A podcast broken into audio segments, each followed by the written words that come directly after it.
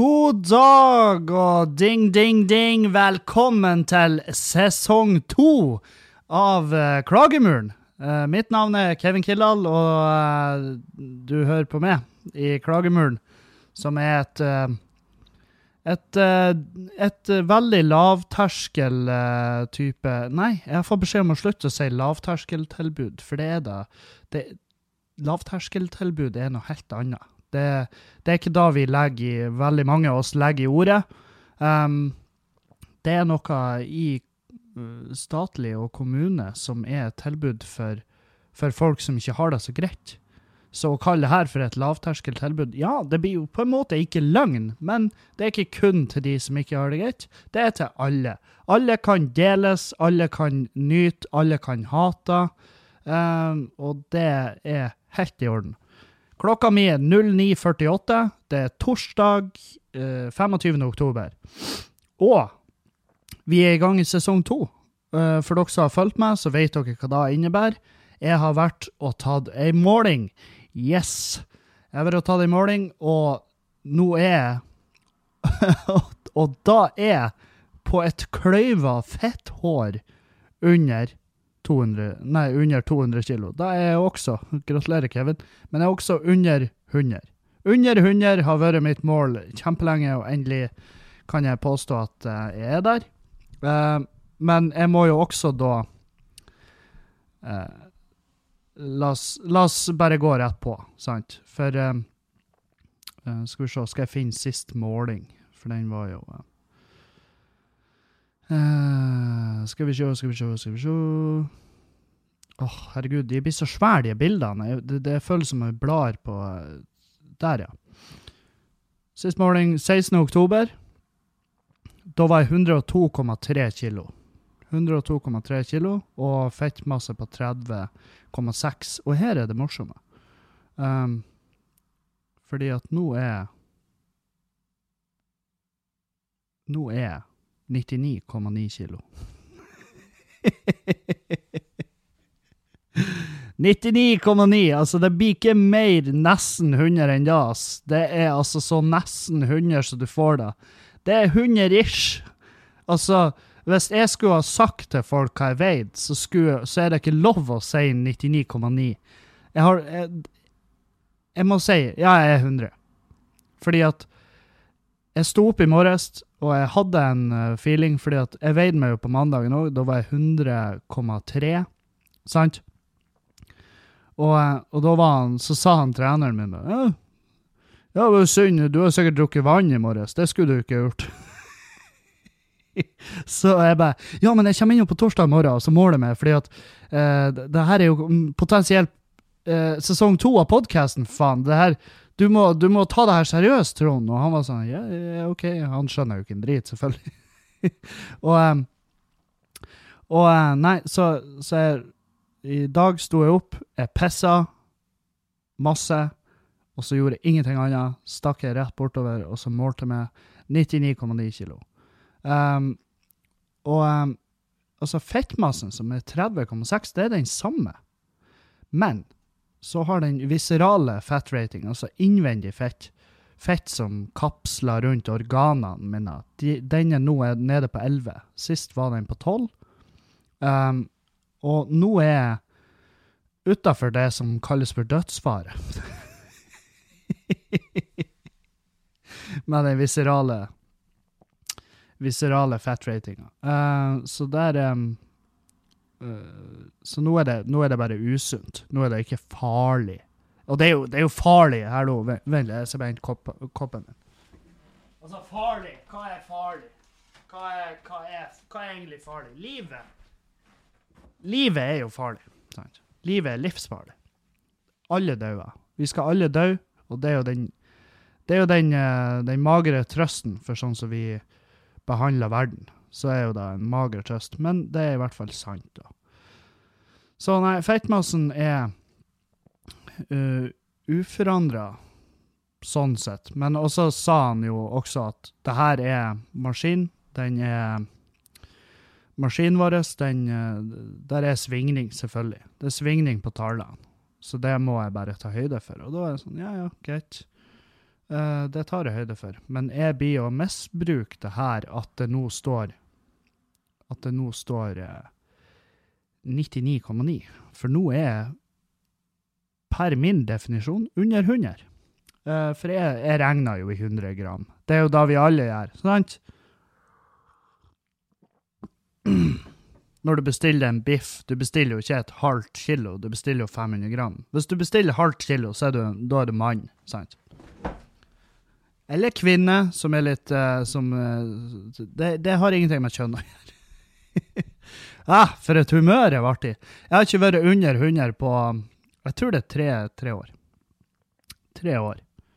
Uh, som er jo faen meg Nei, det føles deilig.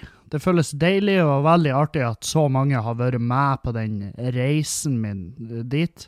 Og eh, reisen fortsetter. Vi har eh, Det er Målet mitt er jo foreløpig 85 kilo. Så det er jo 15 igjen. Um, så 85 men, men eh, da tar jeg også høyde for at det kan, det kan bli 87, det kan bli 82. Er, for jeg skal bare til et punkt der jeg ser at faen, nå er jeg dritfornøyd med hvordan det her tempelet ser ut. sant? Hadde jeg vært fornøyd med hvordan jeg så ut når jeg var 100, så har jeg vært på 100. Jeg har gitt faen i hva folk sier. Så, og det er ikke da at jeg, jeg går ikke rundt og brekker med noen jeg ser meg i speilet, det gjør jeg ikke. For jeg ser jo bedre ut enn jeg har gjort på jævlig lenge.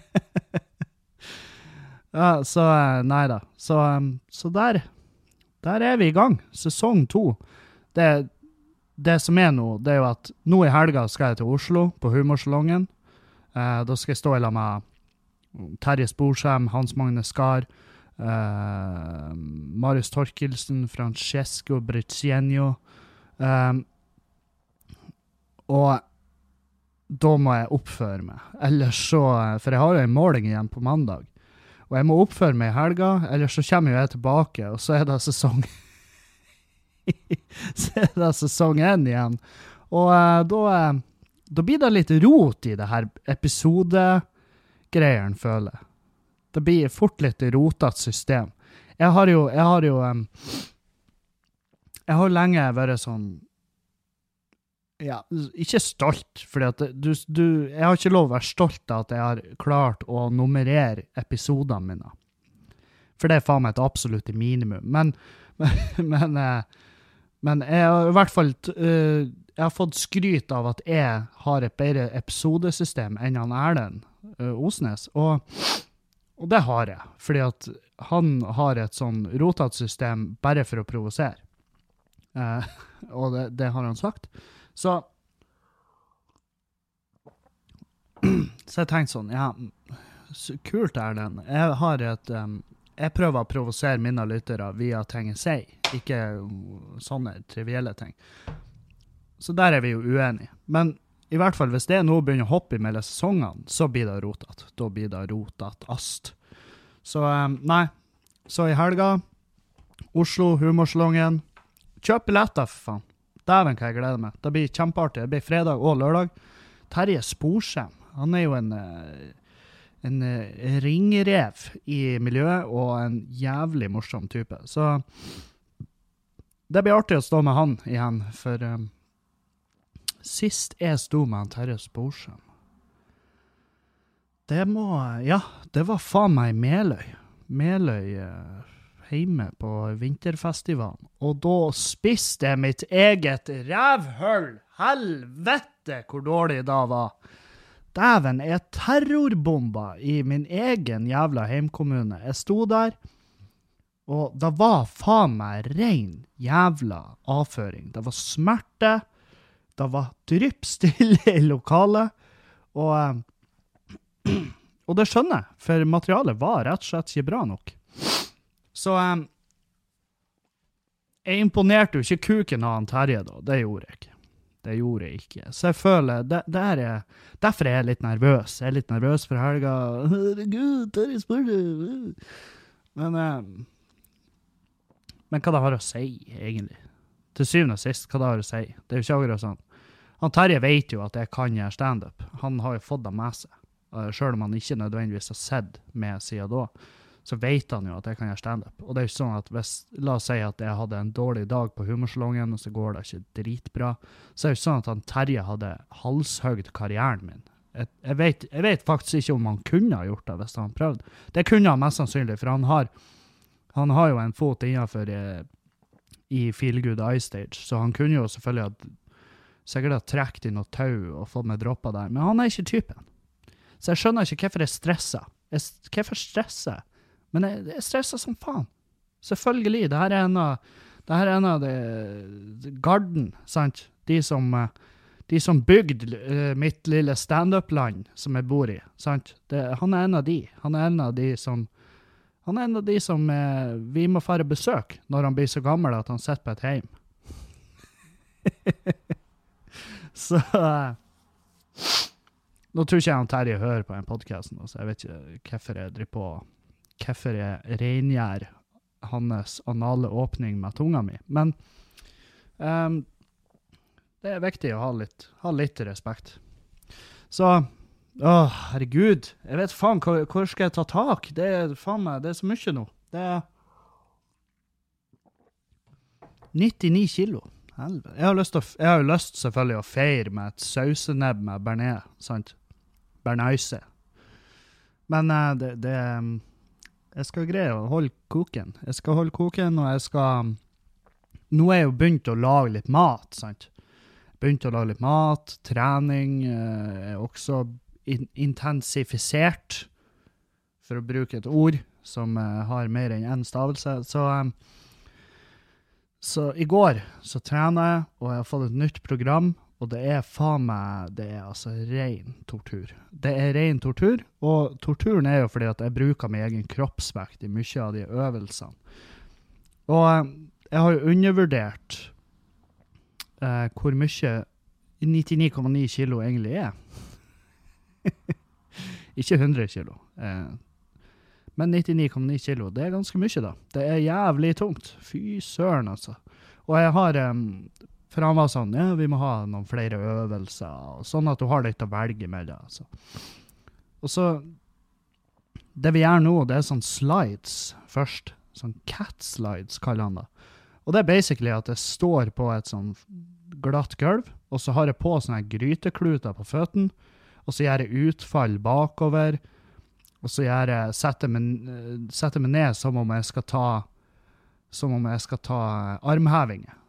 Sant? Jeg ligger i en planke, basically, og så tar jeg som beindrag, sånn at jeg drar føttene opp mot magen.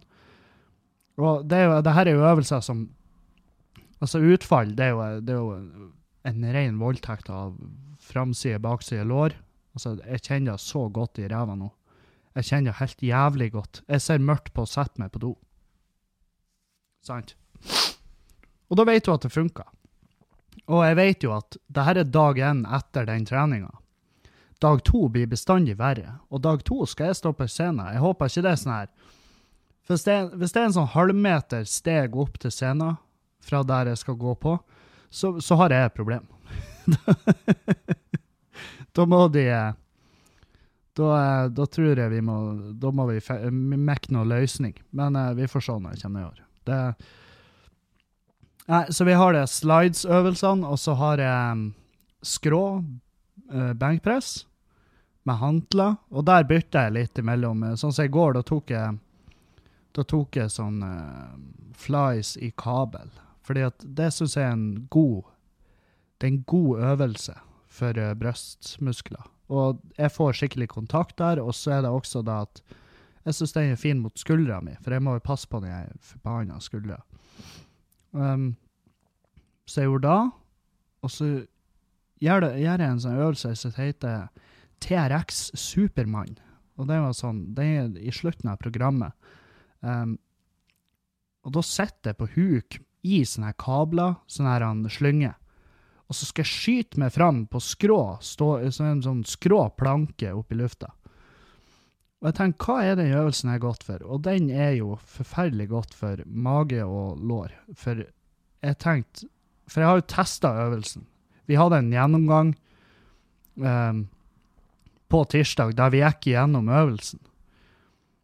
For han var sånn Ja, nå skal vi kjøre gjennom programmet en gang. Og så sa jeg du, kan ikke vi bare gå gjennom øvelsene, for jeg skal barbere meg eh, nå snart. Og da er det litt sånn dumt, hvis jeg nå gjør hele programmet, så, så vil jo det resultere i at jeg går svett ned uh, til The London Barber og min uh, aller herligste Chris, som er min barberer, og lukter kompost, sant? For på ketose, du, det skal vites at uh, den svettlukta du får Ja, den lukter ketose. Lukter aceton. Lukter Det er sånn at jeg tror at hvis Julianne er ufornøyd med med neglelakken sin, så kan hun bare stikke fingrene inn i uh, armhula mi. så nå drar de ut, så er de fette reine. For det er da den svetta mi lukter nå. Så jeg var sånn Kanskje vi, for å ta litt vare på min barberer Han har en kjip nok jobb med at han driver på og prøver å gjøre det fjeset her fint. Sant? Skal ikke vi prøve å Skal ikke vi ta litt vare på han, og så bare ikke sende meg nedover dit hvor det lukta fuckings folkemord og, masse, og massegrav? Og han var for så vidt enig. Så vi gikk bare kjapt gjennom øvelsene. Så jeg prøvde én gang, liksom, bare for å se at jeg hadde bevegelsene rett og holdningene rett og sånn. Og da, når jeg tok den Supermann-øvelsen da, så var jeg sånn Ja, ja, nei, jeg, jeg, vet ikke hva det her er, men det, det, ser i hvert fall dumt ut, så jeg gjør det. Jeg gjør den gjerne. Og så eh, Så eh, kommer jeg nedover eh, i, i går, og så gjør jeg den øvelsen på slutten av programmet.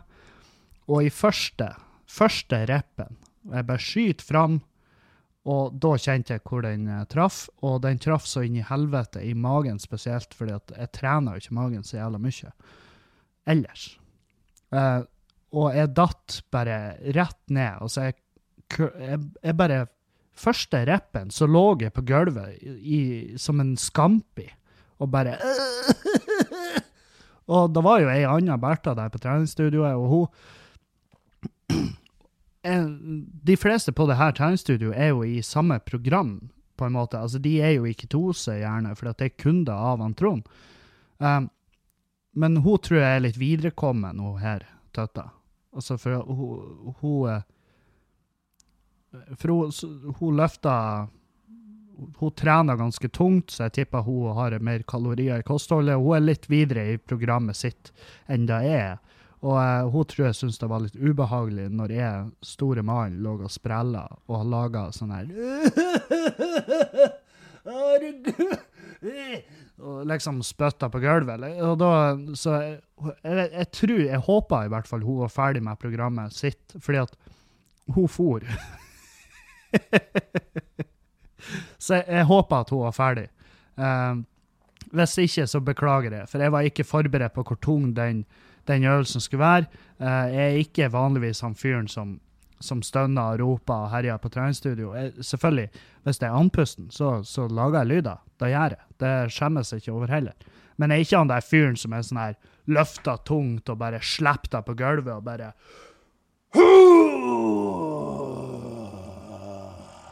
For sånne folk eh, Jeg fatter ikke hvorfor de finnes. Jeg hater sånne folk. Eh, de er han, de, jeg blir ubekvem med en gang jeg er på et sånt treningsstudio. Jeg husker jeg trener på Kaliber i, i Trondheim en stund, som er jo faen meg Det er jo faktisk bare ironisk uh, at jeg trener på Kaliber.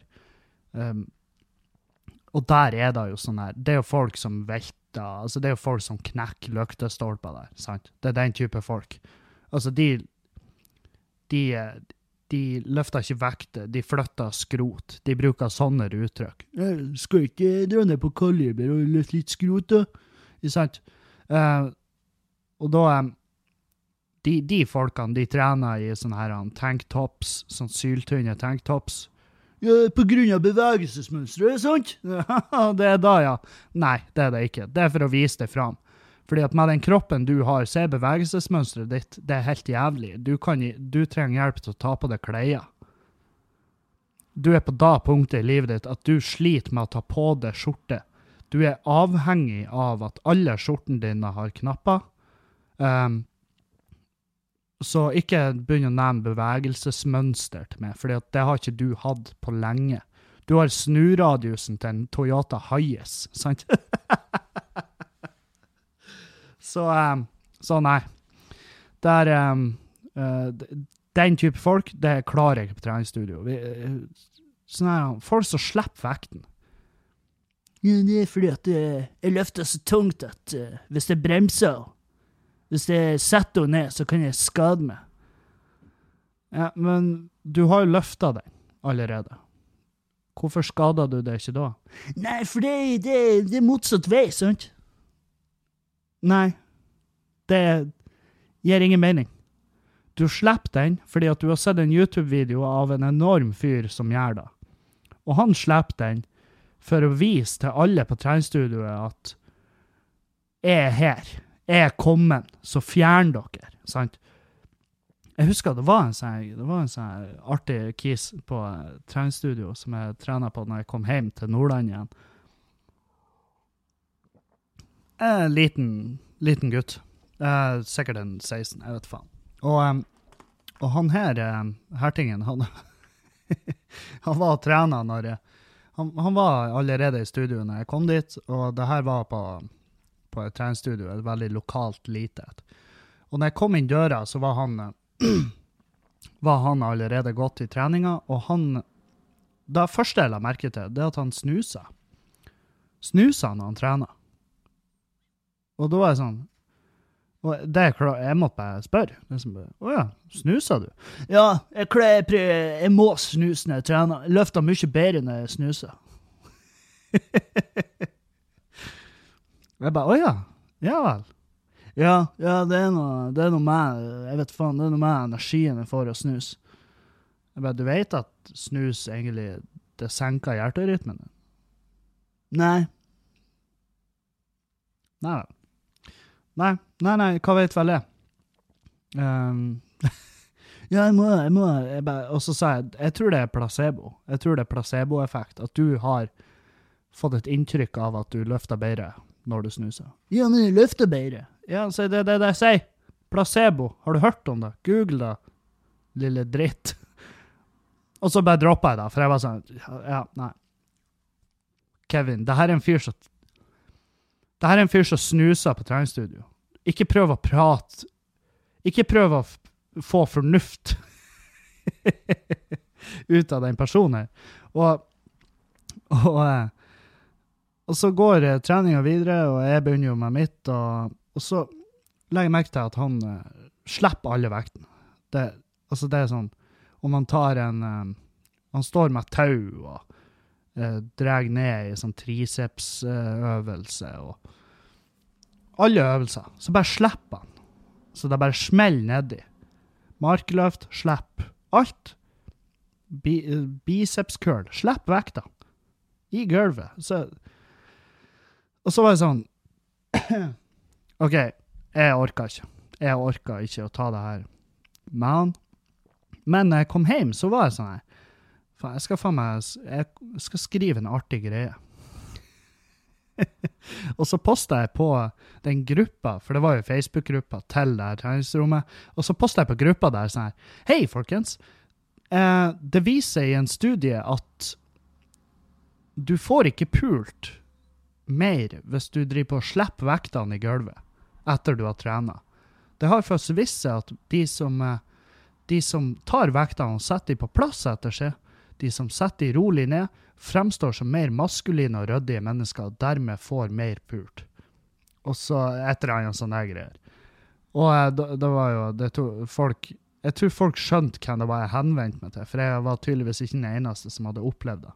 Og, eh, og fikk mye, mye tomler opp for den. Er veldig fornøyd med Jeg elsker likes. Jeg, jeg baserer hvor flink jeg er på likes, og der var jeg flink. Der var jeg dyktig. Det var morsomt. Eh, så hvis du hører på og er en av de som driver på og roper og slipper ting på treningsstudio, slutt nå med det. Du trenger ikke. Det er, folk ser det. Folk, folk vet hvem du er. Og hvis du er så svær som Hvis du sliter med å få på deg klær, så, så er du stor fra før. Du trenger ikke å ha på deg en sånn der tanktopp.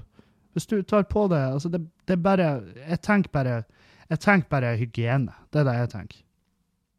Jeg tenker hygiene. Bare sånn eh, Svetter overalt, og Og de går der, det, det så, men, men nå er det sånn Hvordan, eh, hvordan reagerer du når jenter har på seg en tanktopp, da, Kevin? Jeg vet faen. Jeg er vant til å se de i topp. Jeg er vant til å se jenter i topp. Det er derfor jeg syns det er rart. Jeg syns det er rart å se gutter i topp.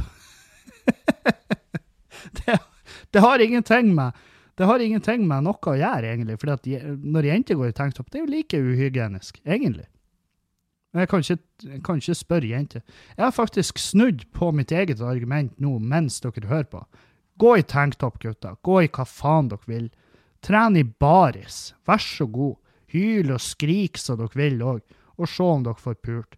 Det eneste dere oppnår med å hyle og skrike, da, i hvert fall, og slippe vekk det, det er at dere potensielt ødelegger noe i bygget, um, og at dere skremmer folk, sånn at businessen til treningsstudioet går ned. Fordi at så en treningsstudio der det er masse hyling og sånn, det er bare én spesiell type folk der. Jeg, jeg trener faen ikke der. Ikke helvete. Derfor trives jeg jævlig godt der jeg er nå, um, på modus. Og, um, og, um, for der er det det er rolig. Det er svært sjelden det, Altså, jeg tipper at på det verste så var det tre stykker der samtidig. og, og, og, så var jeg sånn Helvete, det, det, er lite folk her. Men det går jo altså Som businessen går jo så det koster etter, fordi at han har masse kunder. Um, det er bare at vi er på forskjellige tidspunkt, og, og, um, og det er mye mer det er, mye, det er bra utstyr. Det er jævlig bra utstyr.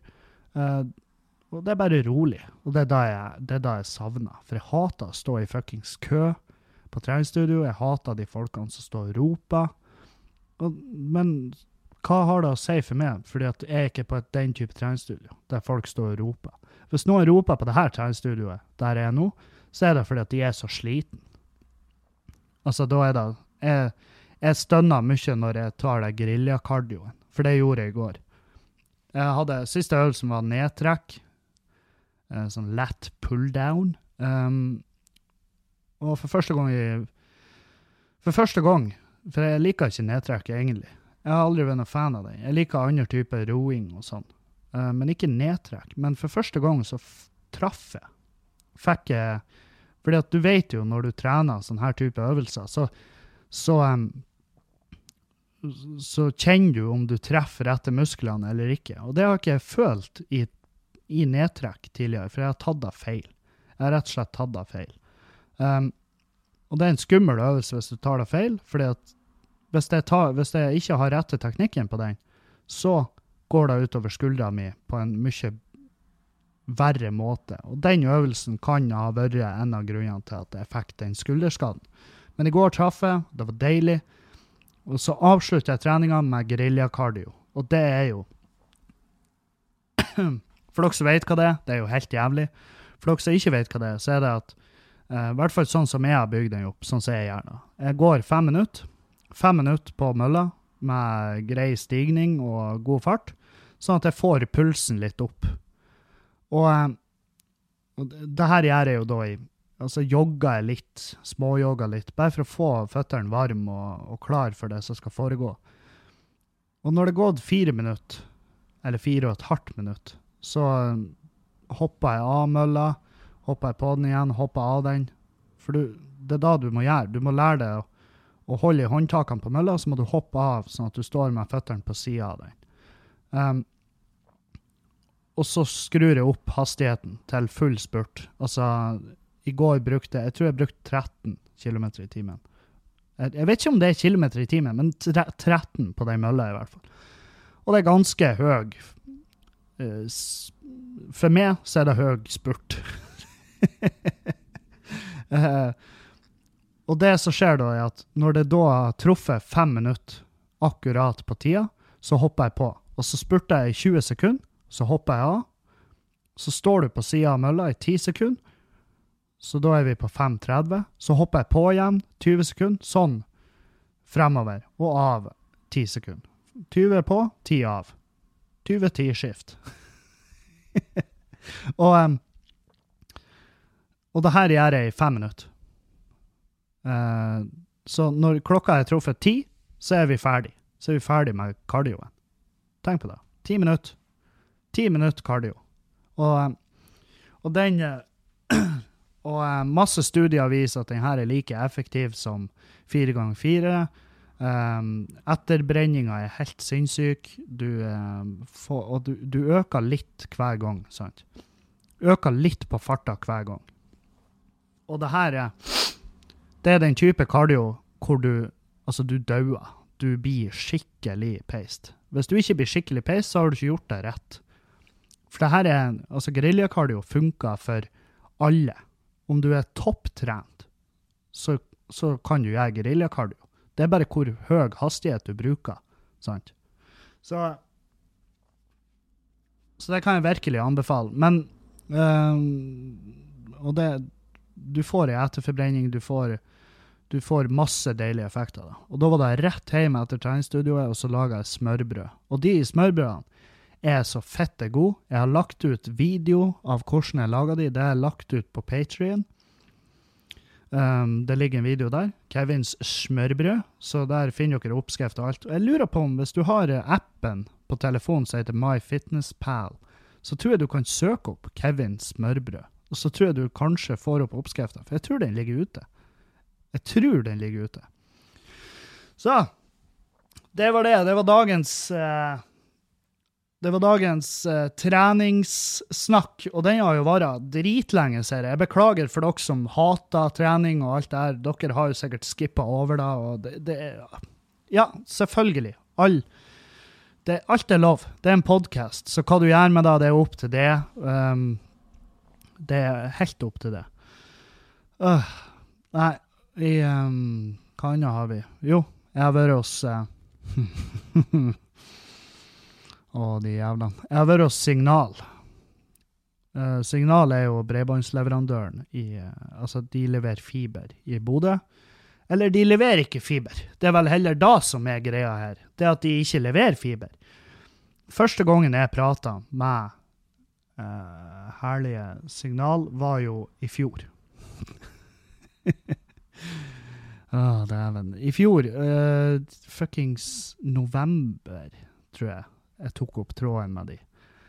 Og da um, prata jeg med en Kiss, og uh, han var fette gira, fordi at jeg skulle legge ned en kabel fra nærmeste blokk innover til huset mitt, her vi bor. Og så skulle jeg da grave ned to ekstra, sånn at naboene imellom den blokka og det huset her, for det er et hus imellom oss, de også skulle få opp et trekkrør, sånn at de også kunne få fiber. Ordentlig fiber. Og imot at jeg la ned de to ekstra rørene, skulle jeg få gratis etablering og hele dritten. Jeg skulle få alt gratis. Fordi at jeg gjorde jo da, i all effekt, en jobb for dem òg. Um, ehm, men uh, det tok litt tid. Det tok jævlig lang tid. Og, uh, og jeg var sånn her Jeg hadde liksom funnet med varmematte og alt. Jeg skulle liksom Jeg var sånn Ja, fuck tele. Jeg skal grave ned det her uansett, faen. Eh, for jeg må ha fiber. Jeg, må, jeg, kan ikke leve sånn som jeg lever nå, med det her jævla drittnettet. Og, og så begynner jeg å purre på han. Jeg purra på han først i, i, vår, i mars. Da sendte jeg melding med. Skal vi få litt fortgang i det her, eller? Så svarer han ikke. Og så har det, så har det foregått såpass mye at jeg bare, jeg bare ikke orka tatt tråden og videre. Og så begynte jeg nå for tre uker siden da ringte jeg inn til kundesenteret og så sa jeg jeg må få prate med han der kisen her. Jeg har navnet på han, men jeg har ikke tenkt å name-droppe han i podkasten. Og så satt satte de meg over, og han bare ja, jeg, jeg, må bare, jeg, må bare, lese meg opp på hva det var da gjaldt det her. Og så ringer det opp igjen. Og det var tre uker siden. Så han skulle ringe meg opp dagen etter. Og så ble det jo dagen etter, og så ble det tre uker etter. Sendte melding til Facebook-sida deres og ba om uh, kan ikke dere få han kisen til å ringe meg. Og de bare ja, det, vi har gitt dem beskjed. Og i morges, da, etter jeg har vært og veid med, så var jeg sånn Vet du hva, jeg kjører faen meg innom Signal og hører hva i faen det som foregår. For nå er frosten den er begynt å komme. Jeg måtte skrape is av ruta i dag. Så jeg var sånn her Nå må det her skje. Jeg må grave ned nå. For jeg orker ikke å leie utstyr for å tine eh, telehiv, sant? For det, når bakken, når det har gått tele i bakken, det vil si at bakken er blitt frossen og umulig å grave i, så da må du bruke sånn matte som du setter strøm på, som da tiner bakken. Uh, og det er litt stress, det er litt arbeid. Så jeg var sånn Nei, jeg har ikke lyst til å gjøre det. Så hvorfor ikke bare utnytte det her nå når tela ikke er satt seg ennå? Hva med at vi gjør det? Så jeg kjører utover, så sånn, jeg må prate med kisen her, og hun bare Ja, jeg skal høre om han har tid. Og så går hun bak, og så kommer han jo ut. Uh, og han kommer jo Tar meg i handa, og jeg bare Ja, hva skal vi, skal vi, skal vi gjøre det her, eller? Hva, jeg, er jo fette gira. sant? Jeg har jo endelig fått møtt med han. Og, og han bare Ja, altså, vi har ikke kjangs i år. og da fikk jeg ei sånn leppe. Dere vet Dere vet sånn her En fyr uten bart, når han har pakka i Når han har pakka i en sånn enorm løssnus En sånn der Det ser ut som noen, ser ut som noen uh, det ser ut som han har hatt tannregulering, og så er det noen som har slått han i overleppa, og så har den hovna. Sant? Ei sånn leppe fikk jeg, og bare sånn ah, OK. OK. OK. Ja. OK. OK. Ja, ja, ja. Nei, nei. Nei, nei. Herregud. Ja, ja. Ikke ti år, nei. Nei, nei. nei. Selvfølgelig. Ja, ja. Nei, herregud. Nei, det har jo ikke bare Det har jo ikke bare gått et år allerede. ja, og så han bare Nei, jeg har sett på noen bilder, og, og uh, vi må sette opp et nytt skap, og jeg må bestille uh, Frost til uh, å montere et skap. Så de har faktisk en montør De har en montør av skap som heter Frost, Uh, men de kan ikke montere skap når det er frost.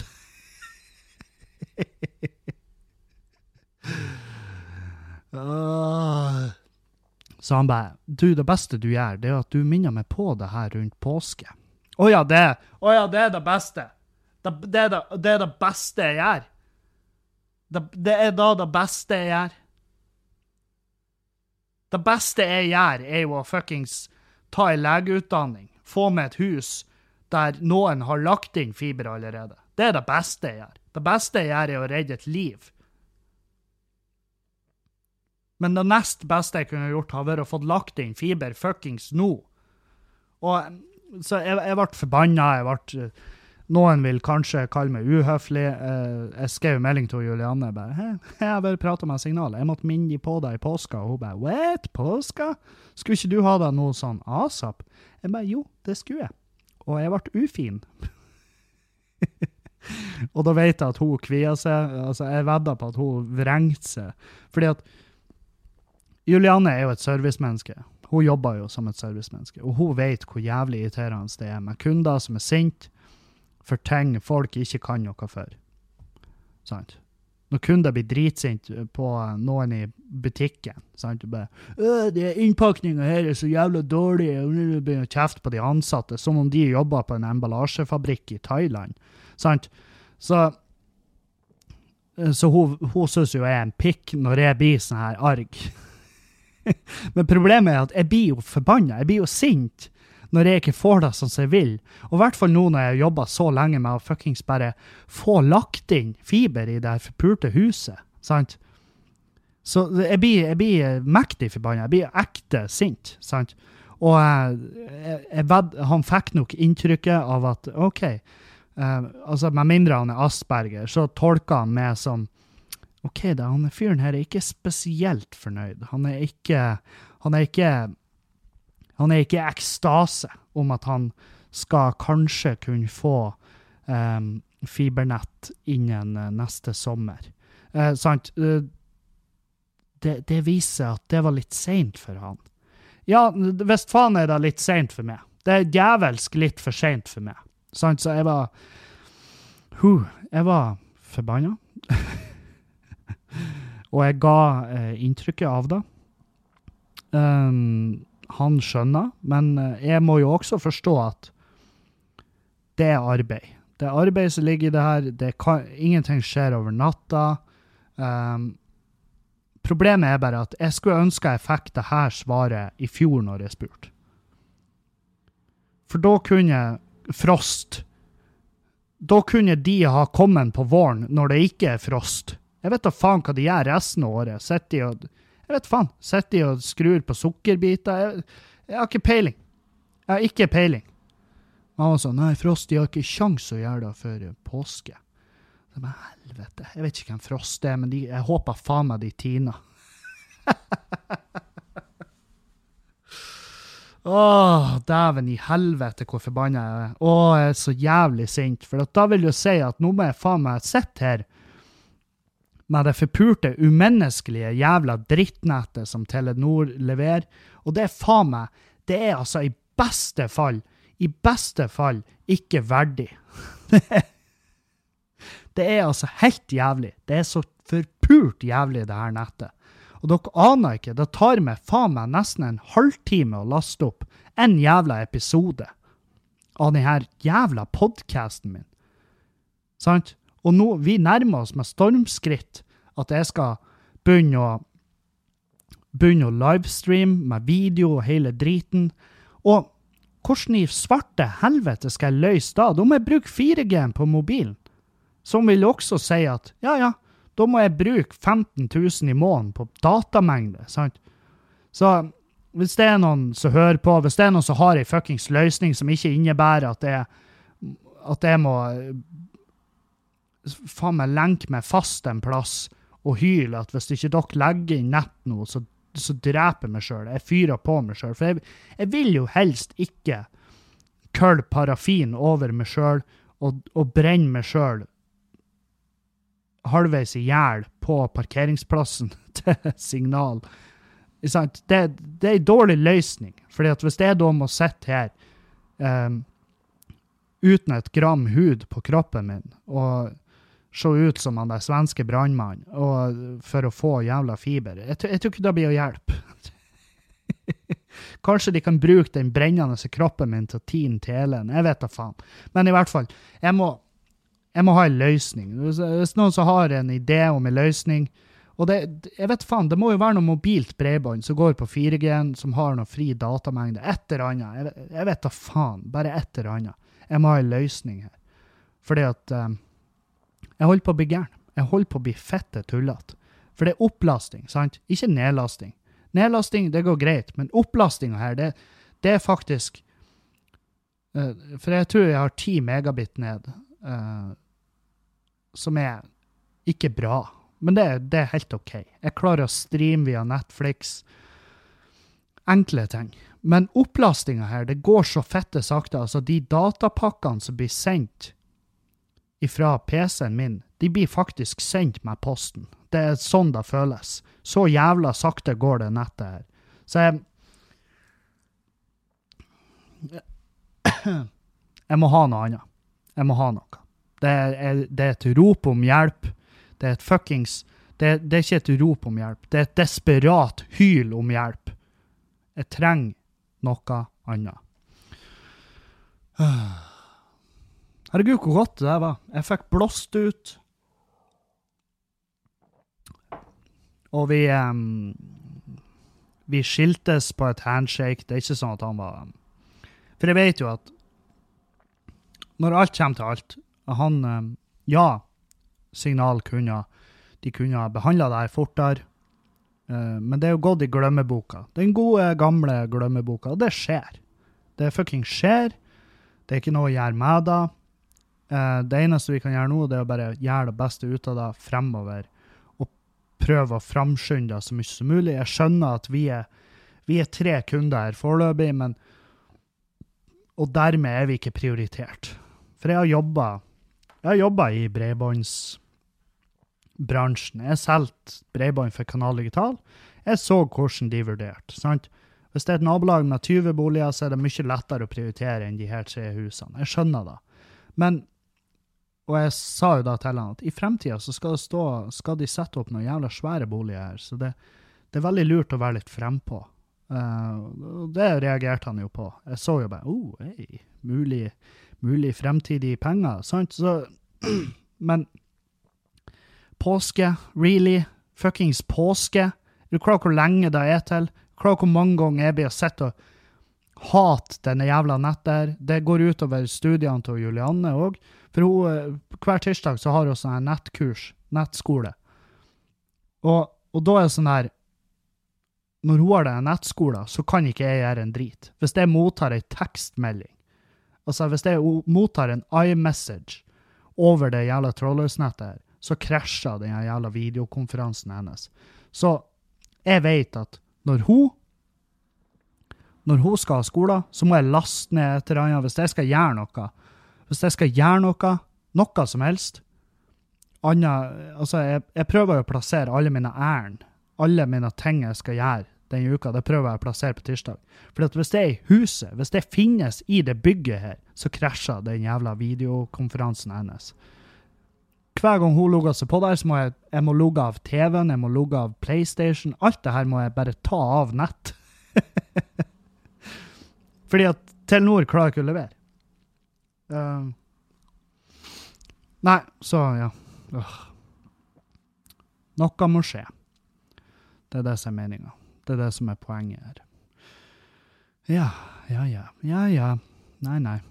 Jeg, sånn, jeg tar jo hensyn. Jeg er jo en Jeg har fått melding. Jeg har fått, eh, det er flere som liksom For jeg tar veldig hensyn til Juliane, men det er fordi at jeg er veldig glad i henne. Jeg syns hun eh, hun er et veldig Hun er en, hun er en kul fyr. og eh, og jeg, jeg har fått liksom meldinger 'Herregud, for en tøffel du er'. Jeg bare Nei, jeg, jeg er en tøffel. Og jeg innså i går at jeg er faktisk en tøffel. Eller jeg er ikke en tøffel, for det er ikke sånn at jeg gjør Det er ikke sånn at eh, jeg spør henne om å få lov til å gjøre ting. og Det er ikke sånn 'Å ja, gutta, jeg vil gjerne jeg vil gjerne se kamp i lag med dere, men jeg må bare høre med fruen.' Jeg er ikke sånn. Men jeg gjør veldig mye for at hun skal ha det bra, og det er fordi at når hun har det bra, så har jeg det bra. ikke sant? Um, og jeg merka i går at faen Jeg, jeg gikk og la meg før hun. Jeg gikk og la meg før hun. Um, og hun satt oppe og så noe sånn YouTube-greier, for hun følger med på sånne in- influensere. Det er liksom det er hennes livrett. Og eh, det eneste eh, det eneste som jeg og hun ikke er helt enige om. Eh, så hun satt og så noen sånne YouTube-greier, og så gikk jeg og la meg. Og da la jeg meg på hennes side. Jeg la meg på hennes side, under hennes dyna, for å varme opp hennes side av senga. Tenk på det. Og det gjorde jeg for, fordi at jeg syns synd jo. Hver gang vi legger oss, er hun sånn For hun er jo et lite menneske, lite fett på den kroppen. Um, og det, hun er en kaldpinne, sant? Så jeg la meg på hennes side, og så varma jeg opp mens jeg lå og så litt serie på TV-en inne på rommet. For det har vi. Vi har TV på rommet, og det er dritskummelt. Men Så jeg lå og så serie, og så kommer hun inn på rommet, og så ser hun at jeg ligger på hennes side, og hun bare Herregud, hvor søt du er! Herregud, slutt å være så søt! Og jeg sånn Ja, ja, jeg er nå ikke så søt.' Jeg tok all den Jeg bare sugde til med den gleden. Og hun la seg under dyna og ble så glad. Hun, hun lyste opp. Hun lyste opp. Og så, så ja. Jeg er ikke en tøffel. Jeg er bare en, jeg er bare en pleaser. Jeg prøver å gjøre ting som gjør hennes hverdag enklere.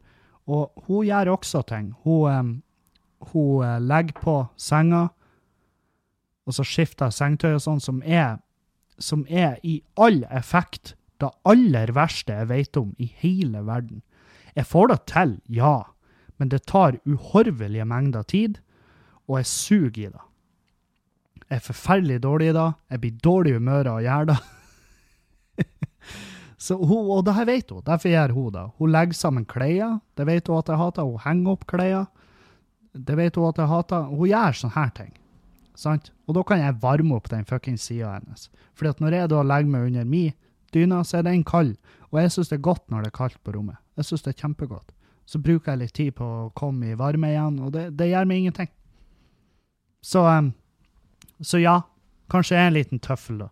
Kanskje jeg er en, en uh, Kanskje jeg er en kjærlighetens mann. Kanskje jeg er det.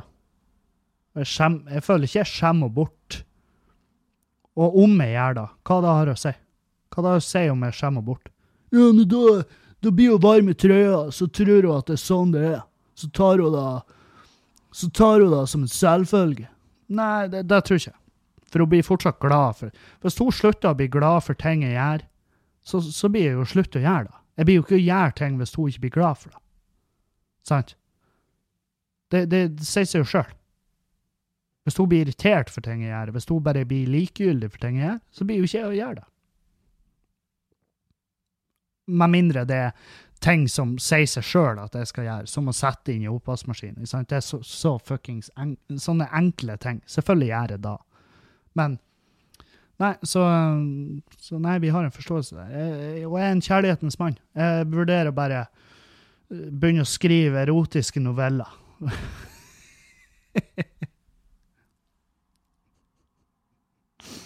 Erotisk Det skulle jeg ha fått til. Jeg skulle så jævlig ha fått Men jeg hadde skrevet sånne erotiske noveller med sånne Altså sånn Jeg hadde ikke greid å Jeg hadde ikke greid For det første, jeg kan jo ikke skrive de på dialekt. Jeg, jeg må skrive de i bokmål, for det er jo det, det erotiske det er det erotiske språket. Jeg kan ikke skrive liksom sånn. Og så kom han inn, og så bare bøyde han henne over krakken og smekka til henne på rævballen, og hun Det var en blanding av et stønn og et hyl, det kan jeg altså bare fortelle. Og så trødde han han inn. Det var altså, han gikk jo ikke inn tørt, for hun har jo venta på han hele dagen. sant? Det, du skjønner at de erotiske novellene, de hadde ikke Eller hvem vet, kanskje de hadde solgt som faen. Kanskje folk hadde bare OK, når du leser den her, så må du lese den som en nordlending, og så bare blir det fette hilarious, sant? Men ja, ja, ja, kanskje. Kanskje det har funka. For jeg tror det er et utappa marked. Jeg tror det er erotiske noveller på nordlending. Jeg tror det er et utappa marked de luxe. Altså, jeg tror det er bare Det er ikke nok der. Men jeg hadde, hadde jeg greid å skrive det uten humor Jeg hadde jo vært sånn her, jeg hadde skrevet bokmål, sikkert. Og så hadde jeg vært sånn her uh, Hun sitter i sofaen, kjenner en lett berøring på skulderen sin. Han sier til henne, det er telefon til deg.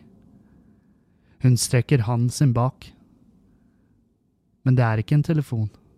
Det er hans erigerte penis. Den mørke latteren og det lure smilet hans fyller rommet. Hun må le litt selv. Ha-ha! Du er så forbanna teit, du, pappa. Ikke sant? Så det hadde blitt noe sånn. Ikke nødvendigvis den beste erotiske novella, men jeg tror, jeg tror det òg hadde solgt. Og så er han eh, Gardstunet. En erotisk novelle med en liten eh, mørk twist. Et eller annet. Vi får se. Kanskje Kanskje. det artigste hadde vært om jeg kunne skrevet sånn og så har jeg filma meg sjøl mens jeg leste den, uh, i en sånn Chesterfield-stol, i et sånn uh, rom med, med, et bjørneskinn på gulvet og noe mørkt panel, og uh, bare et sånn lite leselys. Og så sitter jeg bare i morgenkåpa og leser den erotiske novella mi. Hvem vet, kanskje det hadde fått seere. Vi får Hva dere mener? Hva dere Oi, oi. Ja. Nei, så vi har eh, Vi har eh, Humorsalongen i helga. Um, eh, 2. november har vi Humorrazzia. Da skal jeg stå. Jeg skal opptre. Uh, Morten André Volden skal opptre. Og så har vi fått den aller herligste Vi har fått Henning Bang fra Bang og Bang podkast. Den kan jeg for så vidt anbefale. Det er en um, De er søsken, mener jeg på. Søsken eller søskenbarn. De, de, er fall, de er i hvert fall såpass nært i slekt at de kan ikke pule. Uh, men de De burde ikke. Det er vel da. De, de kan jo, men de burde ikke.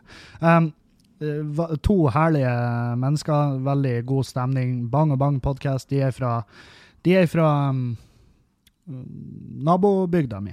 De, de, er ikke langt ifra. Uh, han her Henning Kisen han er en, uh, verdens søteste lille fyr. Uh, og en veldig dyktig revyartist. Eh, og som komiker, som standup-komiker, så har jeg ikke så jævla mye til overs for revy. Eh, jeg liker ikke at vi sammenligner standup og revy, for det er to helt forskjellige ting. Eh, men han har lyst til å prøve seg på scenen. Han skal på scenen på Humorasia 2.11. Det anbefaler jeg virkelig. Um, og ta og lytt, hør litt på podkasten deres. Det, det, er veldig bra til jeg, jeg, hører på den. Jeg hører på den. Så Så vet dere det. Um, og så har vi klubbkvelder vi lanserte i går. Klubbkveldene i Bodø. 15.11. er vi på Nordlendingen. 16.11. på Skubaret. 17.11. Uh, skal vi egentlig være på Frodos på Neverdal, men jeg fikk en melding i går om at jeg har fucka det opp, for det er jeg som har fucka det opp med datoene der. Så jeg får svaret i dag om det blir eller ikke. Um, hvis ikke, så må vi finne en annen plass å være den 17. Uh, jeg håper virkelig vi kan være på Frodos på Neverdal, men vi får se. Og vi har i hvert fall fått Halvor Johansson. Uh, for dere som ikke vet hvem det er, så er han Kisen, han uh, store mann, som som er i Radio Rock. Uh, han sitter og kjefter. Uh, han har masse videoer som har gått viralt på Facebook, hvor han sitter i studioet og tar jeg sammen. Ikke sant? Det, de videoene der. Tar jeg sammen.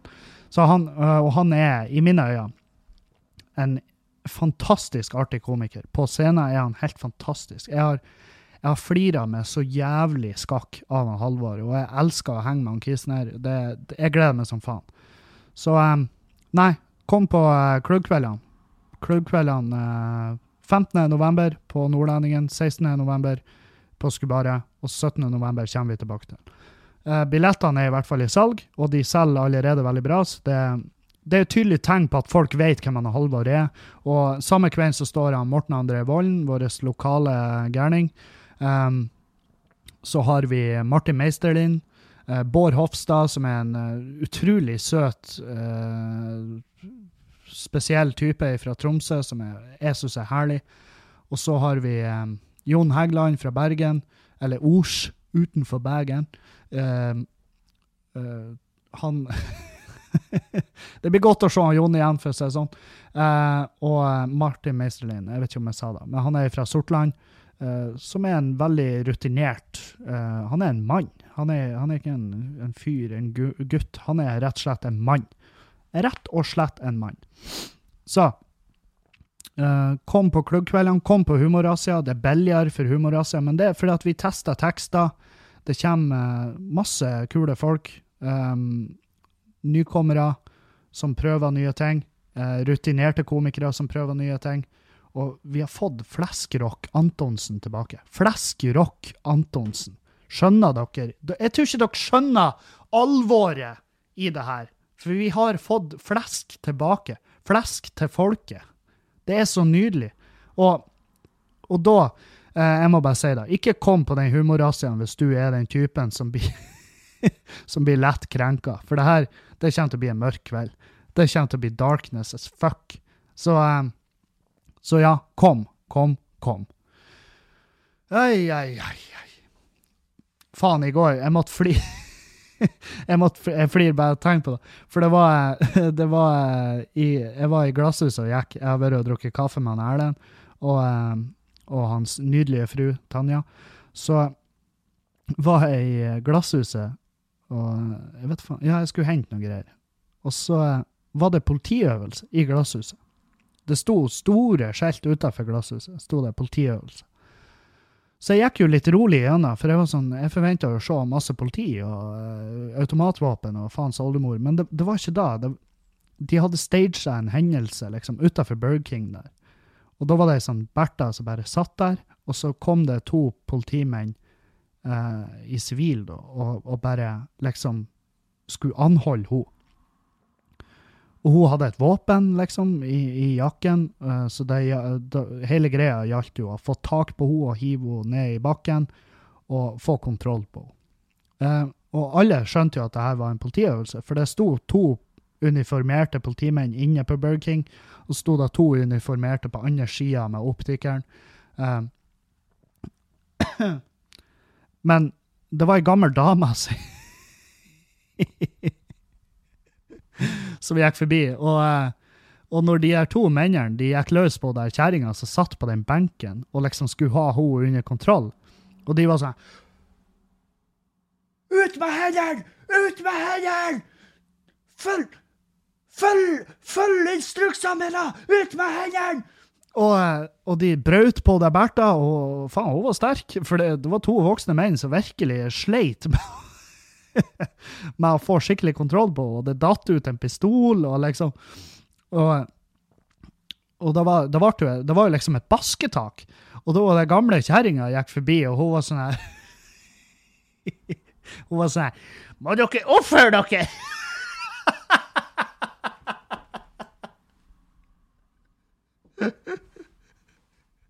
For hun, hun, har jo tydeligvis ikke fått med seg at det var en politiøvelse der.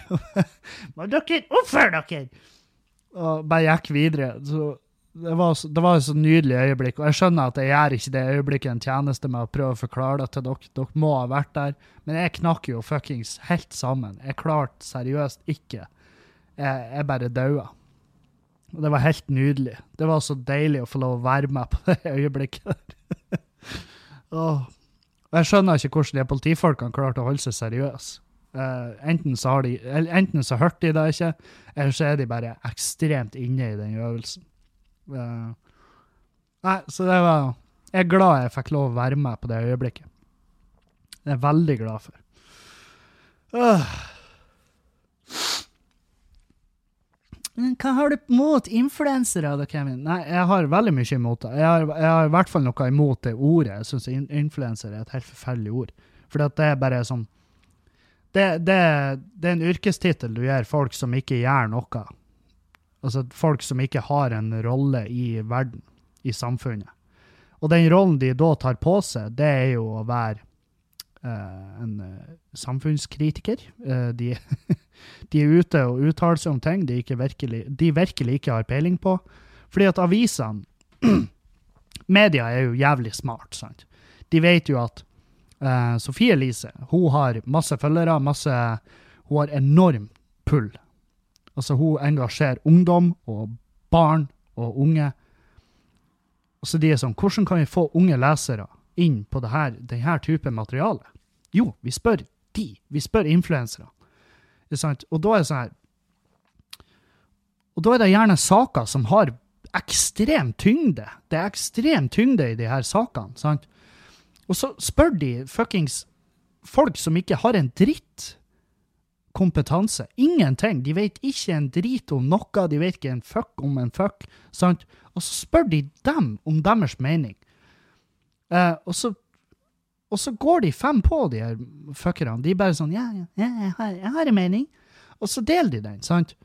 Um, om en sak de ikke har peiling på. Så bare sånn Ja, hva syns du om eh, flomkrisa? Eh, hva syns du om hungersnøden i, eh, som foregår nå i, de, i Jemen? Sant? Og de bare sånn Ja, nei, jeg syns vi skal gi dem mat. Å, det OK, god idé. Kanskje vi OK, de sulter. Med at vi gir dem mat? Å, herregud! Takk! Så smart! Det har ikke vi tenkt på. sant? Så det er sånn det er det jeg hater. Det er det jeg hater, det er når folk som ikke har peiling, uttaler seg om shit som er som, som er litt mer enn bare så jævla enkelt, sant? Men da, Og så tenker sikkert noen av dere ja, men det er jo da du gjør, Kevin. Det er jo da du Du sitter jo i podkasten og uttaler om ting og tang. Ja, jeg gir min mening, sant? Jeg gir min mening på min egen podkast, hvor det er veldig fritt fram å lytte. Um, og jeg gir min mening om jeg, er veldig, Det vet dere, jeg er forsiktig med å uttale meg. Jeg uttaler meg selvfølgelig jeg uttaler meg om hvor jævla, hvor jævla ubrukelig jeg syns uh, Tøtta fra Fauske i Frp Jeg syns uh, hun er et forferdelig menneske. En moralsk avgrunn. Jeg syns uh, Farmen-Geir Han skulle ikke ha hatt tid ute i det offentlige. Han skulle hatt, han skulle hatt oppfølging. Jeg syns ikke Ørjan Bure skulle hatt en karriere som så, pga. alle de tingene han har gjort, og får lov å gå fri for, og folk kjøper billetter til showene hans. Men det er fordi at jeg vet. Jeg veit de her tingene. Jeg vet. Du trenger ikke å du trenger ikke å være noe smart. Du trenger ikke å lese det opp. Du trenger ikke å ha gått uh, Du trenger ikke å ha gått uh, noe samfunnspolitisk eller noe form for Du trenger ikke å ha hatt en jobb som politiker for å uttale om at det og det Cassandra sier, er bullshit. Du trenger ikke å være samlivsterapeut eller psykolog for å forstå at han er Geir Magne, sånn som han opptrer på byen. Det, er noe feil med fyren, sant? Du trenger ikke å Du trenger ikke Du trenger ikke å ha over 70 IQ for å forstå at det han Ørjan Burøy har gjort, er ikke greit. Sant? Så, så det er de sakene, liksom, jeg uttaler meg om. Jeg uttaler meg om Jeg syns ikke det er greit at vi Jeg syns ikke det er greit at vi um, fuckings uh, uh, booka inn Joshua French for å få han til å fortelle hvor uskyldig han er, når fyren så åpenbart er jævlig skyldig. Og Og um, vi betaler 395 kroner pluss avgift for å se han i et kulturhus der han står og, og messer og er fette gæren. Det er bare å høre på den podkasten han gjorde med NRK, hvor han plutselig påstår at eh, de var i Kongo på et etterretningsoppdrag for Norge. Ja, ikke kødd. Bare hør på den podkasten. Den forklaringa har han nå fjerna. Den har han Det er kun der han sier da. Han har tusen forklaringer på hva faen de gjorde i Kongo. Hvorfor de skulle på den bilturen ut i jungelen. Det er tusen forklaringer. Det er helt sykt. Fra gang til gang så er det en ny forklaring på hvorfor de var der. For eksempel. Det er masse att og fram. Det er bare les det opp på den saken, så skjønner du at OK, fyren her lyver. Fyren her lyver som faen. Han lyver som faen. Vi betaler penger for å høre han lyve. Vi, vi gjør fyren styrtrik. Han blir styrt fette rik nå, på grunn av oss. Fordi at vi drar og ser det jævla showene, vi drar og ser filmen. Um, jeg, jeg, jeg, støtter det ikke. Så, eh, mange som hører på det her, blir gjøre det. Uh, for all del, gjør det. Det, det. er jo ditt jævla liv. Hva du gjør med det, hva du bruker tida di på, det skal jeg ikke legge meg borti. Hva du bruker dine penger på, det skal jeg heller ikke legge meg borti. Men de, tre, de 400, jeg vet faen, 425 kronene det blir til sammen, de blir ikke jeg å betale for å høre han kuken her stå og um, lyge. Det blir ikke å orke. Det blir ikke å gjøre. Jeg blir ikke å støtte. Jeg blir ikke å legge penger i det. Jeg blir ikke å se det TV-showet som Altså, jeg blir ikke å se noen av de NRK-dokumentarene og alt det pisset her, fordi at Greia er at vi har brukt altfor mye penger på han allerede. Norge som land har brukt penger på han fyren her. Vi har brukt penger på han og han der jævla ubrukelige kompisen hans som tok livet av seg i fengselet der, fordi at de er norske, og det er det eneste. Det er det eneste jeg kan si med sikkerhet. Ja, fyren der er norsk. That's it. Og dessverre er han da, fordi at vi har brukt altfor mye penger på å ta vare på dem og prøve å få dem hjem til Norge. Og nå går han fritt. Dette er en fyr som har tatt et menneskeliv. Han har tatt et liv. Og nå får han å trør i gatene og bli mangemillionær fordi at folk vil høre historien hans. Det er jo helt vilt. Hadde foredraget hett 'Hvordan kom det unna med mord', så hadde jeg faen meg, da hadde jeg kjøpt billett. For da hadde det i hvert fall vært en, et snev av ærlighet inni der. Men det her er jo en åpenbart syk fyr. En åpenbart syk fyr. Det er bare hør den podkasten til NRK. Det er helt vilt. Så, ja. Nei, så Jeg vet ikke hvordan jeg kom inn på det, men er influensere og alt det her. Jeg syns det er piss. Altså, vi det, det, er folk som ikke er noe annet enn bare at de har puls. Det er deres rolle i hverdagen. Det, de får betalt, de, de blir booka til å komme på fester. De blir booka til svære fuckings arrangement hvor de bare må møte opp. Og det eneste jobben de har i hverdagen, det er å ha puls. Det er det eneste de er kjent for altså, X-deltakere på Paradise, på uh, Love Island, på X on the Beach. De blir booka til sånne orgiearrangement opp igjennom i hele norgeskysten.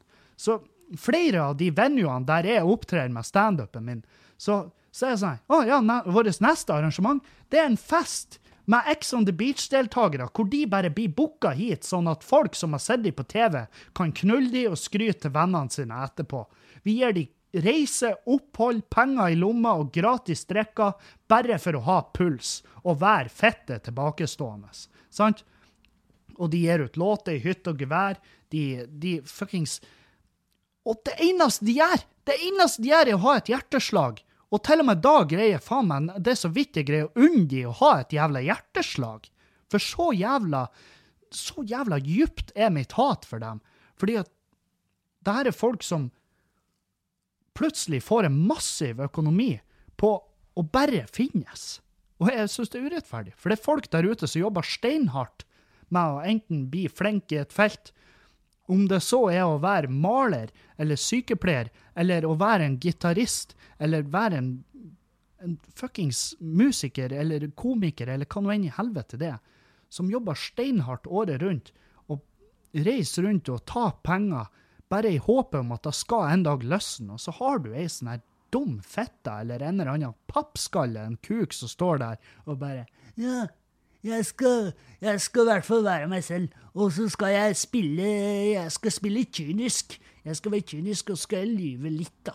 Lyve litt, bare for å komme meg gjennom det. Sant? Og så bare sånn Helvetes, jeg hater det umiddelbart. Alt du sier, er bare faen meg et hån mot at mennesker finnes.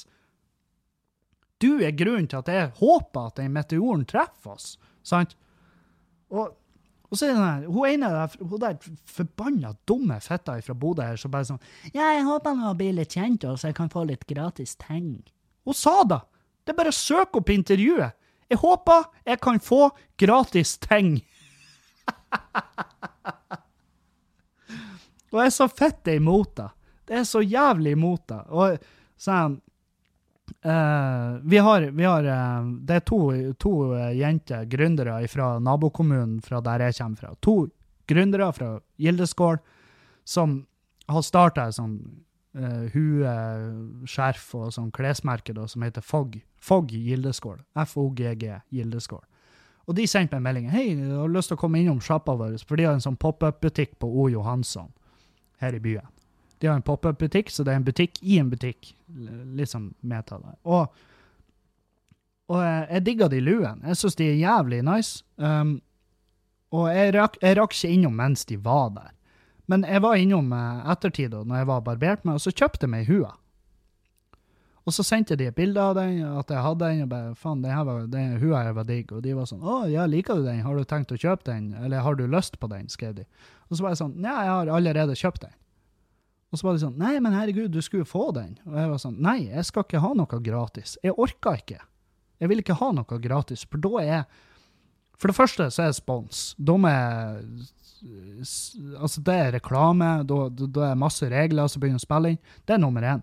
Nummer to er så jævlig imot at vi som at vi som er profilert på et eller annet vis eh, Jeg vil ikke kalle meg sjøl for en kjendis, og gud forby hvis noen kommer og kaller meg en influenser. Men uansett um, er profilert, for det er da jobben min går ut på. Og jeg vil ikke ha gratis skitt bare for det. Uh, fordi at jeg tror ikke på gratis ting. Jeg tror For jeg har råd til de tingene. Jeg har råd til den fuckings sua. Jeg går med den, og jeg liker den. Det er derfor jeg kjøpte den lua. For mine egne penger. Og da er ikke jeg da er ikke jeg kontraktsbundet til å snakke fint om den, men jeg snakker fint om den fordi at jeg liker den. Jeg prater fint om um, London Barber og Chris fordi at de er jævlig dyktige. De er jævlig dyktige, og jeg elsker den jobben de gjør, og de får fjeset mitt til å se bedre ut. Ikke fordi at jeg får noe gratis der, for det gjør jeg ikke. Jeg betaler full pris, og det insisterer jeg på. Um, sammen med Trond Chitussi, som har hjulpet meg, Kittussi, som har hjulpet meg ned i vekt. Det funka. Jeg er glad i han, for han har berga livet mitt. og jeg får ikke noe gratis. Jeg prater om det fordi at fordi at det er meninga. Fordi at jeg er fornøyd med produktet jeg får. Så når jeg betaler for de shakene og den maten, jeg, hvis det her ikke hadde funka, så har jeg sagt det i podkasten. For ærlighet er faen meg det, det, faen meg det minste dere som hører på, må kunne forvente av meg. Men det er ikke ærlighet dere får på Instagram eller uansett ifra de fuckings retardene som mottar ting gratis.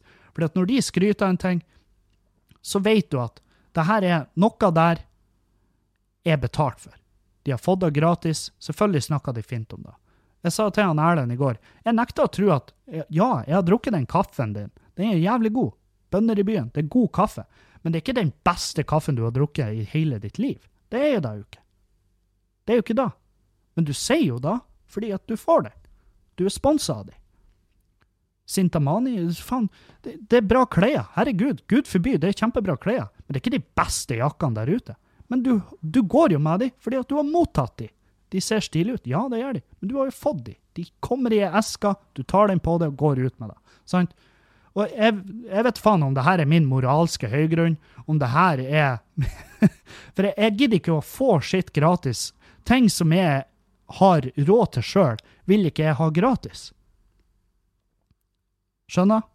Jeg vil ikke ha ting som jeg har råd til gratis. Hvis de, det de kan gjøre, det er å selge med de tingene, og så kan de ta de gratistingene og gi til noen som ikke har råd til det. Det er mitt forslag. Det støtter jeg mye heller. Da kan de, ta, da kan de gi meg Da kan jeg kjøpe noe, og så kan de ta den gratisvaren og gi til noen som trenger det, som ikke har råd til det. Det er min mening. Det Hvem vet? Men selvfølgelig, hvis, de en, hvis, det noen, hvis, det er en, hvis, det er et reisefirma der ute som har en ferie til Maldivene å gi meg, imot at jeg prater fint om det? Ja, for jeg har ikke råd til en ferie til Maldivene. Så den tar jeg gjerne gratis. men, men eh, Nei, jeg vet faen. Eh, det, det bare gjør meg jeg, blir, jeg føler meg skitten. Jeg føler meg skitten hvis jeg mottar ting. Og kanskje det er bare meg. Kanskje jeg er bare dramatisk. Kanskje jeg må bare innse at det er sånn her verden funker. Så Jeg skjønner jo at en sko selger bedre. En fotballsko selger bedre hvis han Cristiano Ronaldo har den på seg og spiller i den. Så skjønner jeg at ungdom kjøper den skoen. Jeg skjønner det.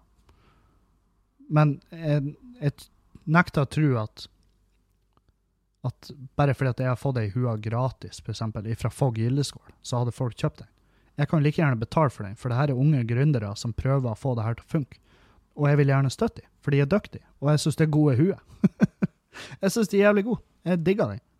Og det sier jeg, etter å ha betalt full fuckings pris for det. Og jeg angrer ikke ett sekund. Så Nei, helvete. Det, det, er jo ikke like artig. Det, det er ikke bestandig det er bare humor i denne podkasten. Jeg skulle egentlig avslutte med den erotiske novella. Oi, oi. Nei, faen. Å, dæven, vi har prata kjempelenge. Uh, skal vi se um, Skal vi ta et par spørsmål? Uh, ja. Ops, advarer mot veldig lang mail. Ja. Skal vi se, skal vi ta den andre først, kanskje?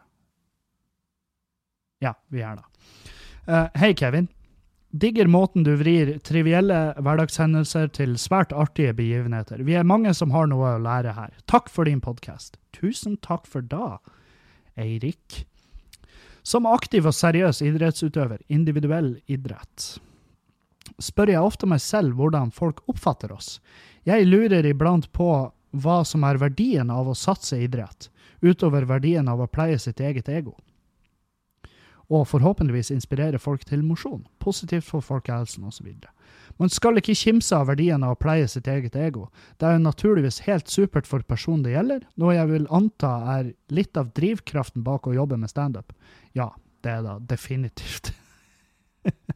Hva tenker du, hva synes du om at mennesker satser knallhardt på idrett i alderen 15 til 30 år, og begrenser sosial stimuli utenfor idrettsarenaen, uavhengig av om de lykkes eller ikke? Bra for dem, beundringsverdig, fullstendig uforståelig, nerd, bortkasta, drømmesituasjon. Hilsen nilytter fra Lillehammer.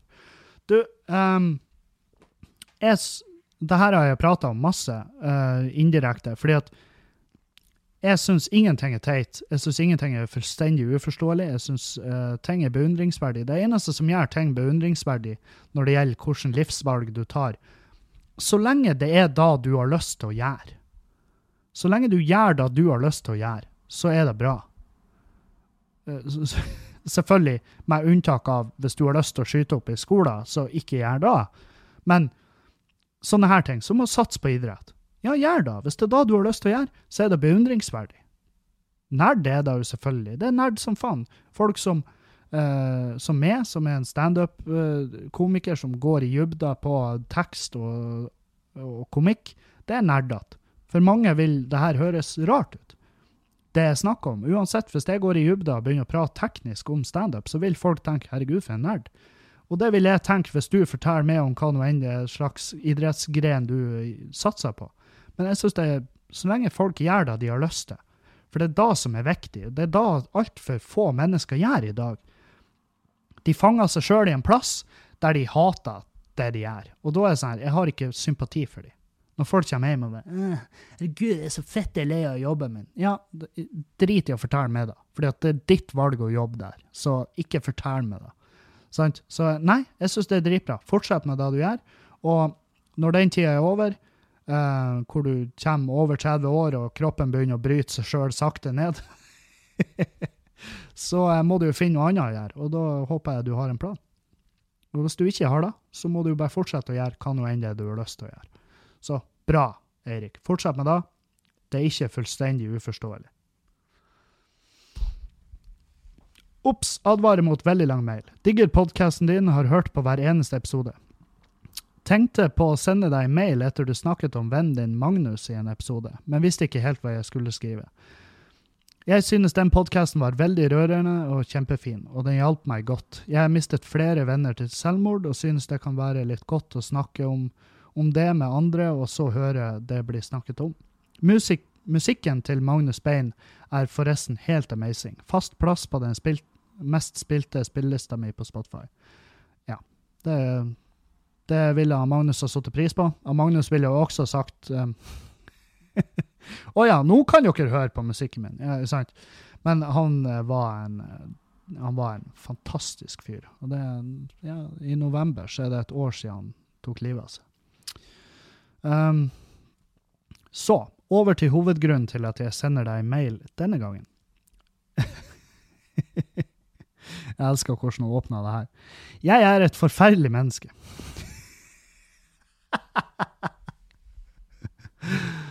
Oi. Jeg er et forferdelig menneske. Jeg kan til tider bli ganske sjalu og gjøre dumme ting. Hørte nettopp en episode der du snakket om at du har opplevd å være sjalu selv. Tenkte kanskje derfor du har noen synspunkter på dette. Jeg satt alene hjemme mens typen var på trening, mobilen ble, ble glemt hjemme, og jeg klarte ikke å la være å gå inn på meldingene. Nei uh, Vet egentlig ikke hvorfor, jeg har ingen grunn til å være mistenksom på han egentlig. Uh, jeg fant ingenting på meldingene, så jeg ble så klart veldig glad. Jeg skulle uh. Jeg skulle bare ha stoppet der, men det gjorde jeg selvfølgelig ikke. Fordi jeg er en idiot. Ja, det er du. Ina, i anførselstegn, hadde skrevet eh, Jeg gikk inn på Messenger og så samtalen mellom han og en veldig god venninne av han. Ina hadde skrevet til han i august at det skulle vært meg og deg. Og der svarer han med et kyssefjes. Jeg fikk umiddelbart vondt i magen og bladde et stykke tilbake i samtalen. Ja, jeg vet jeg er en jævel som leser andres, andres private samtaler. Der ser jeg at de har hatt en greie for hverandre i tydeligvis mange år. De snakket også om den fantastiske sexen og hvor mye de savner hverandre. Dette ble riktignok skrevet for lenge siden, men det gjør allikevel vondt. Jævlig vondt. Grunnen til, Grunnen til det er at jeg spurte han rett ut for lenge siden om jeg om det hadde vært noe mellom han og Ina. Der svarer han nei, aldri. Hun er gift, og var også det på dette, det tidspunktet samtalen skjedde. Å ja. De bor ganske langt unna, så jeg har aldri truffet henne. Han har, også, han har altså løyet til meg, og jeg har brutt tilliten. Jeg går rundt med en konstant klump i magen for det jeg har gjort, samtidig som jeg er på vei inn i kjærlighetssorg uten at typen min vet dette. Føler meg for jævlig og klarer ikke være meg selv. Hva faen burde jeg gjøre? Si det til han? Hinte, frem, hinte meg frem til svar? Går det an å komme over dette? Overreagerer jeg? Det hjelper ikke akkurat sak, på saken at eksen min ble sammen med hun jeg ikke trengte å bekymre meg over. Ok, etter han dumpa meg. Setter veldig pris på om jeg kan være anonym, siden jeg, det er en sjanse for at mange av mine venner hører på, din, på deg etter mine anbefalinger. Hilsen fast podkastlytter. Ja. Eh, du ser det sjøl. Du har jo vært Du har jo gjort det kardinalfeilen. Du har vært å sneke. Din lille snik. Um, det er ikke bra. Det er ikke bra. Uh, det er Den type sjalusi er skadelig. Det, men nå har det jo vist seg at det var en grunn til det. Eh, men du var heldig på en måte der. Fordi at nå når du snoka, så fant du ut det her. sant? Men du kunne også ha funnet ut ikke en, en dritt. Og uansett så må du si det til han. Det er min mening. Fordi at um, Sant? Du, uh, du har jo Du har jo snoka. Og det, det kan jo ikke komme deg ut av. Du har gjort det. Og, og uansett syns jeg at du må si det til han. Om du ikke hadde funnet noe, så har jeg anbefalt deg å si det til han. Fordi at det er noe hvis du snoker, så, har, så er det et eller annet underliggende som er feil i forholdet. Uavhengig av om du finner noe eller ikke. Hvis du snoker, så er, du, så er det noe feil i forholdet, og du må fikse det. sant? Så, um, og nå fant du noe. Og da må du i hvert fall ta det opp. Fordi at Og du må spørre. Og, um, og um, Sant? Det her er Det kan være mange ting som gjør at han skriver sånne her meldinger. Det, det, kan, det kan, være mange ting. Og, og det Nei, du må prate med han. Sant? For det trenger ikke å være sånn at det trenger ikke å være sånn at han, at han har planlagt å være utro mot det, at han har planlagt å bli sammen med Ina, og at hun skal skille seg og alt det her. Det trenger ikke å være noe så seriøst. Det trenger ikke da. Det kan være at han at hun sier hyggelige ting, at hun sier fine ting til han, og at han føler Jeg er jævlig glad i kjerringa mi, elsker henne, jeg bor i lag med henne. Det er åpenbart at det er, det er hun jeg vil være lag med, men det er også veldig godt å høre fine ting av og til. Så det kan være så, så, enkle ting som at han føler at det mangler noe i forholdet, og det burde han jo selvfølgelig ha tatt en prat med deg om tidligere. Men nå er det du som sitter med det kortet at du vet at han driver på å sende de her meldingene. sant? Og derfor må du prate med han. Prat med han. Du må ta det opp med han, si 'Baby, jeg har fucka opp, men det har du òg'. Jeg, jeg, hadde åpna samtalen sånn. OK, så jeg har kuka det til, men det har jommen meg du også. Så sett deg ned. Sant? Og så tar du beherska og prater om det her, og så hører du på hva han har å si. For jeg tror ikke det her nødvendigvis trenger å være slutten på forholdet deres. Så ikke ha kjærlighetssorg. Dette kan være noe som åpner for at dere kan fikse hva nå enn det er feil. For det er noe feil når du driver på snoka, og det er noe feil når han driver på å sende meldingen her. Men det er ikke krise. Det kan fikses. Alt kan fikses, sant? Så ta tak i det, prat med han, innrøm hva du har gjort. Det er det minste Altså, det burde du gjøre uansett. Innrøm at du har snoka. Gjør det. Lykke til. Jeg håper jeg, håper jeg får høre hva det der går. Um, jeg håper det virkelig går bra. Også, um, men si meg melding, si meg oppdatering, fortell meg hva det går. Og um, det var faktisk alt jeg hadde for i dag. Uh, det dere gjør nå, gå inn hvis du bor i Bodø-området, gå inn og lik Standup Bodø. Kom på klubbkvelder. Hvis du bor i Oslo-området, kom på Humorsalongen i helga.